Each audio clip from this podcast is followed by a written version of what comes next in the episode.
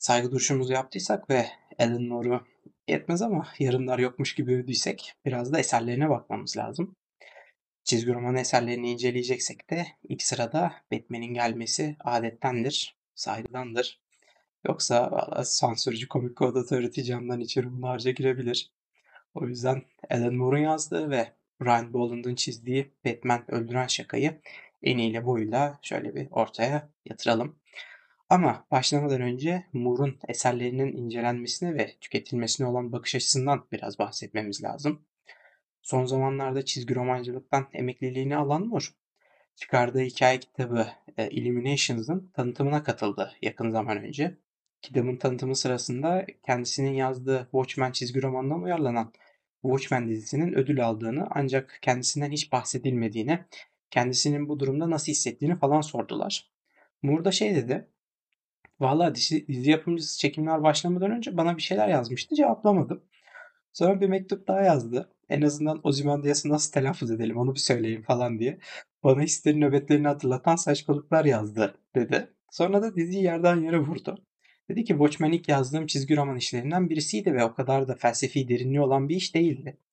Ama dizi ve film uyarlamalarını gördükçe insanlar bunu mu anladı diye cidden düşünüyorum. Böyle ters ışıkta kalmış karanlık silüetler ve karanlık atmosferler mi sandınız bunu dedi. Siz Watchmen'in felsefesini çözememişsiniz dedi yani kısaca. Moore televizyona filmlere uyarlanan işlerinden hep uzak dururdu zaten. DC'ye yazdığı işlerin devam etmesini istemedi. Watchmen evreninin öncesini açıklayan Watchmen başlangıç serisinde mesela yokmuş gibi davranır. Kendi evreninde geçtiğini kabul etmez.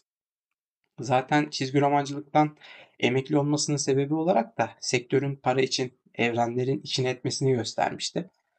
Bu noktada dünyanın en yaratıcı ama e, haklı olarak da en bencil yazarı. E, zirveler yalnız oluyor gerçekten de.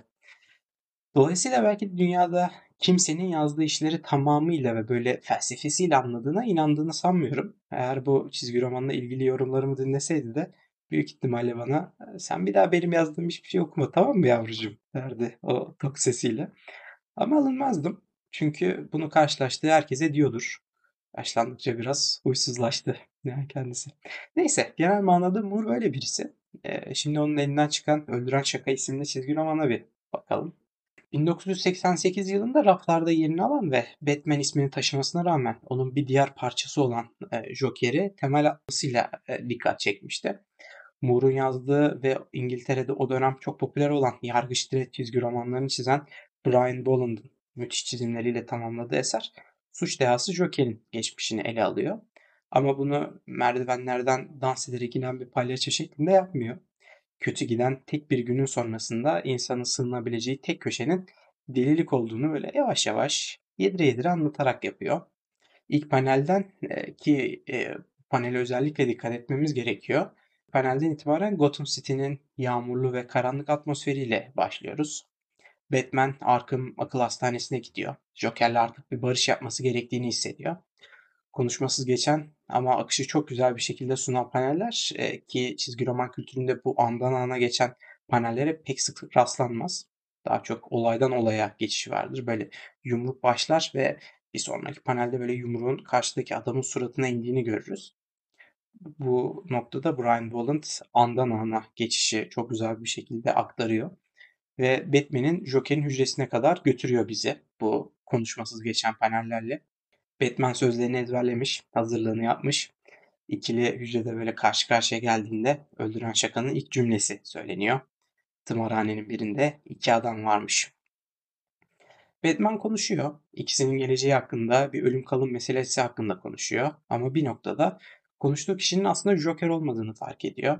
Klasik Batman bağırışını yaptıktan sonra sahnenin değiştiğini görüyoruz. Gerçek Joker Gotham şehrinde metruk bir Luna Park'ı satın almaya çalışıyor. İşte bu noktada işler de karışmaya başlıyor zaten. Joker'in geçmişini görüyoruz. İzleyicilerini güldürmeyi başaramayan, para kazanamayan ve hamile işine bakamayan bir komedyen olduğunu görüyoruz. Bu durum Joker'i oldukça kötü etkiliyor.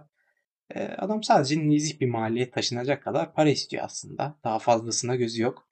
Gülen palyaço sokakta kendisini şimdiye kadar kazandığı parayı bir haftada çıkarabilen kadınlar olduğunu biliyor. Hem de böyle tek bir şaka bile yapmadan. Joker Luna Park'ı satın aldıktan sonra her şeyi anlamlı hale getirecek planına başlıyor ve gösterinin başrolünü almak üzere yola çıkıyor. O da komiser Gordon tabii ki. Evine kadar gidiyor, kapıyı çalıyor. Kapıyı Barbara Gordon açıyor. Barbara Gordon'ı karnından vurduktan sonra komiseri kaçırıyor. Ki bu durum Barbara Gordon'ın hayatında oldukça önemli bir noktayı oluşturuyor. Çünkü daha sonrasında tekerlekli sandalyeye mahkum kalacak ve Oracle ismiyle Batman'in önemli müttefiklerinden birisi haline gelecek. Joker komiser Gordon'u evinden alırken suça içiyor ve yeniden geçmişe dönüyoruz o noktada. Joker'in biraz para bulabilmek ve karısına bakabilmek için ne kadar ileriye gidebileceğini görüyoruz. Batman çizgi romanlarında özellikle DC evreninin kriz sonrası post-crisis olarak adlandırılan o e, gümüş çağ hikayelerinde sıkça karşılaştığı Red Hood kostümüne girip soygunu yapmaya ikna edildiğine şahit oluyoruz. Bu noktada Moore'un ciddi bir çizgi roman takipçisi ve yorumcu olduğunu da görüyoruz aslında. Çünkü anlıyoruz ki Red Hood sadece bir kişi değil. Aslında maske takan farklı kişiler. E, Moore Vigilante kelimesinin tam karşılığını burada da veriyor. Suçla savaşan e, maskeli bir kahraman ve onun karşısında suç işleyen maskeli insanlar. Yanlış olanı kim yapıyor? Ki bu sorunun cevabını daha sonrasında Watchmen serisinde veriyor. Ama biz devam edelim. Joker'in geçmişi Red Hood olmayı kabul ediyor ancak kısa bir süre sonra inanılmaz bir haber alıyor. Karısı biberon ısıtıcısını test ederken aletin kısa devre yapması sonucu hayatını kaybettiğini öğreniyor. Hani şaka gibi değil mi? Yani milyonda bir bir ihtimalmiş ama olmuş işte. Red Hood papyonunu ve kaskını aldıktan sonra kimya fabrikasının hemen yanındaki soygunu yapacakları yere gidiyorlar. Joker'in geçmişi Red Hood olmayı kabul ettiği için soygunu yapmak zorunda kalıyor. Bu sırada günümüzde ise Joker satın aldığı Luna Park'ta komiser Gordon'a uzun bir korku tüneli yolculuğuna çıkarıyor. Ama bu e, gerçek bir korku tüneli. Öyle hani plastik iskeletlerin ya da mekanizmalı zombilerin üzerinize ve diye atladığı türden bir tünel değil. Komiser çıplak bir şekilde elleri kolları bağlanarak yolculuğa başlıyor. Saatler önce kızının karnından vurulmasına rağmen böyle çırılçıplak soyulmuş ve acı içindeki yüzünün kocaman resimler halinde asıldığı koridorlardan geçiriliyor. Gordon gözlerini kapatmak istiyor ama Joker ona etrafına bakması gerektiğini ve o hayatın e, tesadüfi adaletsizliğini görmesini istiyor. Ama geçmişe dönüyor hikaye bu noktada tekrar. Red Hood ve onu kostüme sokan iki kişi kimya fabrikasına gidiyor. Oradan yan tarafa geçip soygunu yapacaklar. Akıllarındaki plan o. Ancak işler tabii ki beklemedikleri gibi gidiyor ve güvenliğe yakalanıyorlar. Kısa süre sonra polis ve Batman olay yerine geliyor. Joker'de yakalanmamak için kimyasal tanklardan birisini atlıyor. Bu noktada bildiğimiz klasik Joker'in o orijin hikayesi oluşuyor. Fiziksel dönüşümüyle birlikte zihinsel olarak da her şey değişiyor.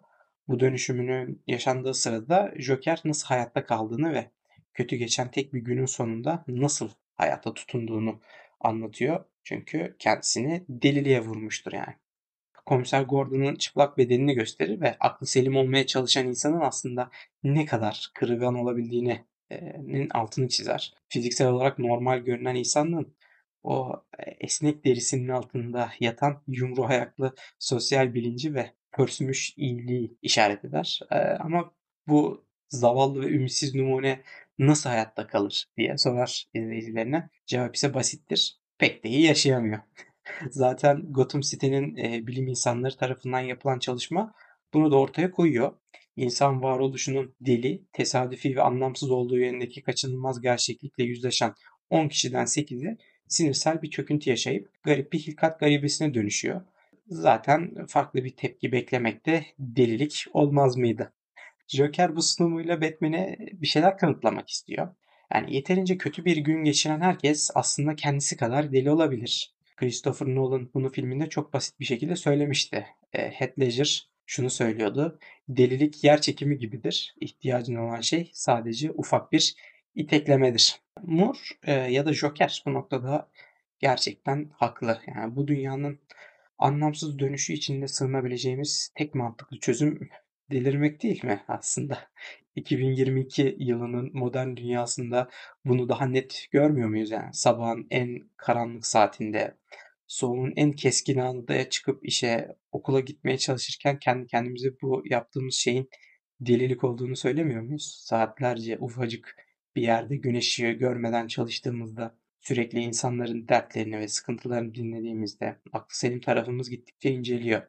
Hemen öteki taraftaki delilik kendisini gösteriyor. Delirmek gerçekten ve tutarsızlıktan uzak bir manyaklığın içerisine çekilmek kendisini böyle daha net bir şekilde ortaya çıkarıyor. Modern dünyada tek ihtiyacımız olan şey her şeyin üst üste geldiği tek bir kötü gün. Sadece bir tane. 1988 yılında yazılan bir çizgi roman modern insanın içindeki incelmiş mantığı çok net bir şekilde gösteriyor. Yani daracık evlere ve onlardan daha dar düşüncelerin içine sıkışmış insanlığın tertemiz delirmesinin arkasında ne kadar mantıklı bir sebep olduğunu ortaya çıkarıyor. Ama sistemler neden çökmüyor o zaman? Neden sokaklarda deli deli gülen insanlar görmüyoruz? Yani görüyoruz ama neden hepimiz böyle değiliz? Sanıyorum ki içimizdeki deliliğin hiçbir zaman mantığın önüne geçemiyor. Ve mantığımız deliliği de sonsuza kadar bir köşeye savurup atamıyor. Batman'in Joker'i, Joker'in de Batman'i hiçbir zaman öldürememesi gibi delilik ve mantık birbirine galip gelemiyor. İkisi de bunu sonsuza dek sürdürmek zorunda kalıyor. Ve çizgi roman bir fıkra ile son buluyor. Batman'in ilk defa güldüğü böyle kahkahalarla kendisini tutmadan güldüğü bir fıkra anlatıyor Joker ona ve diyor ki tımarhanenin birinde iki adam varmış. En sonunda ise çizgi romanın açıldığı ilk paneli görüyoruz. Moore ve Bolland okuru başladığı yere geri bırakıyor. Delilik ve mantık bir kez daha en başından çarpışmaya başlıyor. Bu noktada eserin teknik dilinin ne kadar başarılı olduğunu söylemek gerekiyor. Geçmiş ve şu an arasında sık gidip gelen bir eser olmasına rağmen Bolland'ın geçişleri o kadar başarılı ki. Yani karakterlerin şu an içinde mevcut bulunduğu pozisyonlar geçmişte aynı şekilde tekrarlanıyor. Böylece geçiş inanılmaz derecede yumuşak ve kusursuz bir hal alıyor. İki zaman dilimi arasındaki renk ve çizim farkları okuyucuyu hikayede çok güzel tutuyor. Sonuç olarak 42 sayfalık eser merak uyandıran bir başlangıçla, kusursuz bir gelişmeyle ve e, geleceği anlatan bir son ile bitiyor. Ve diyor ki bize çizgi roman gerçekten ciddi bir iştir.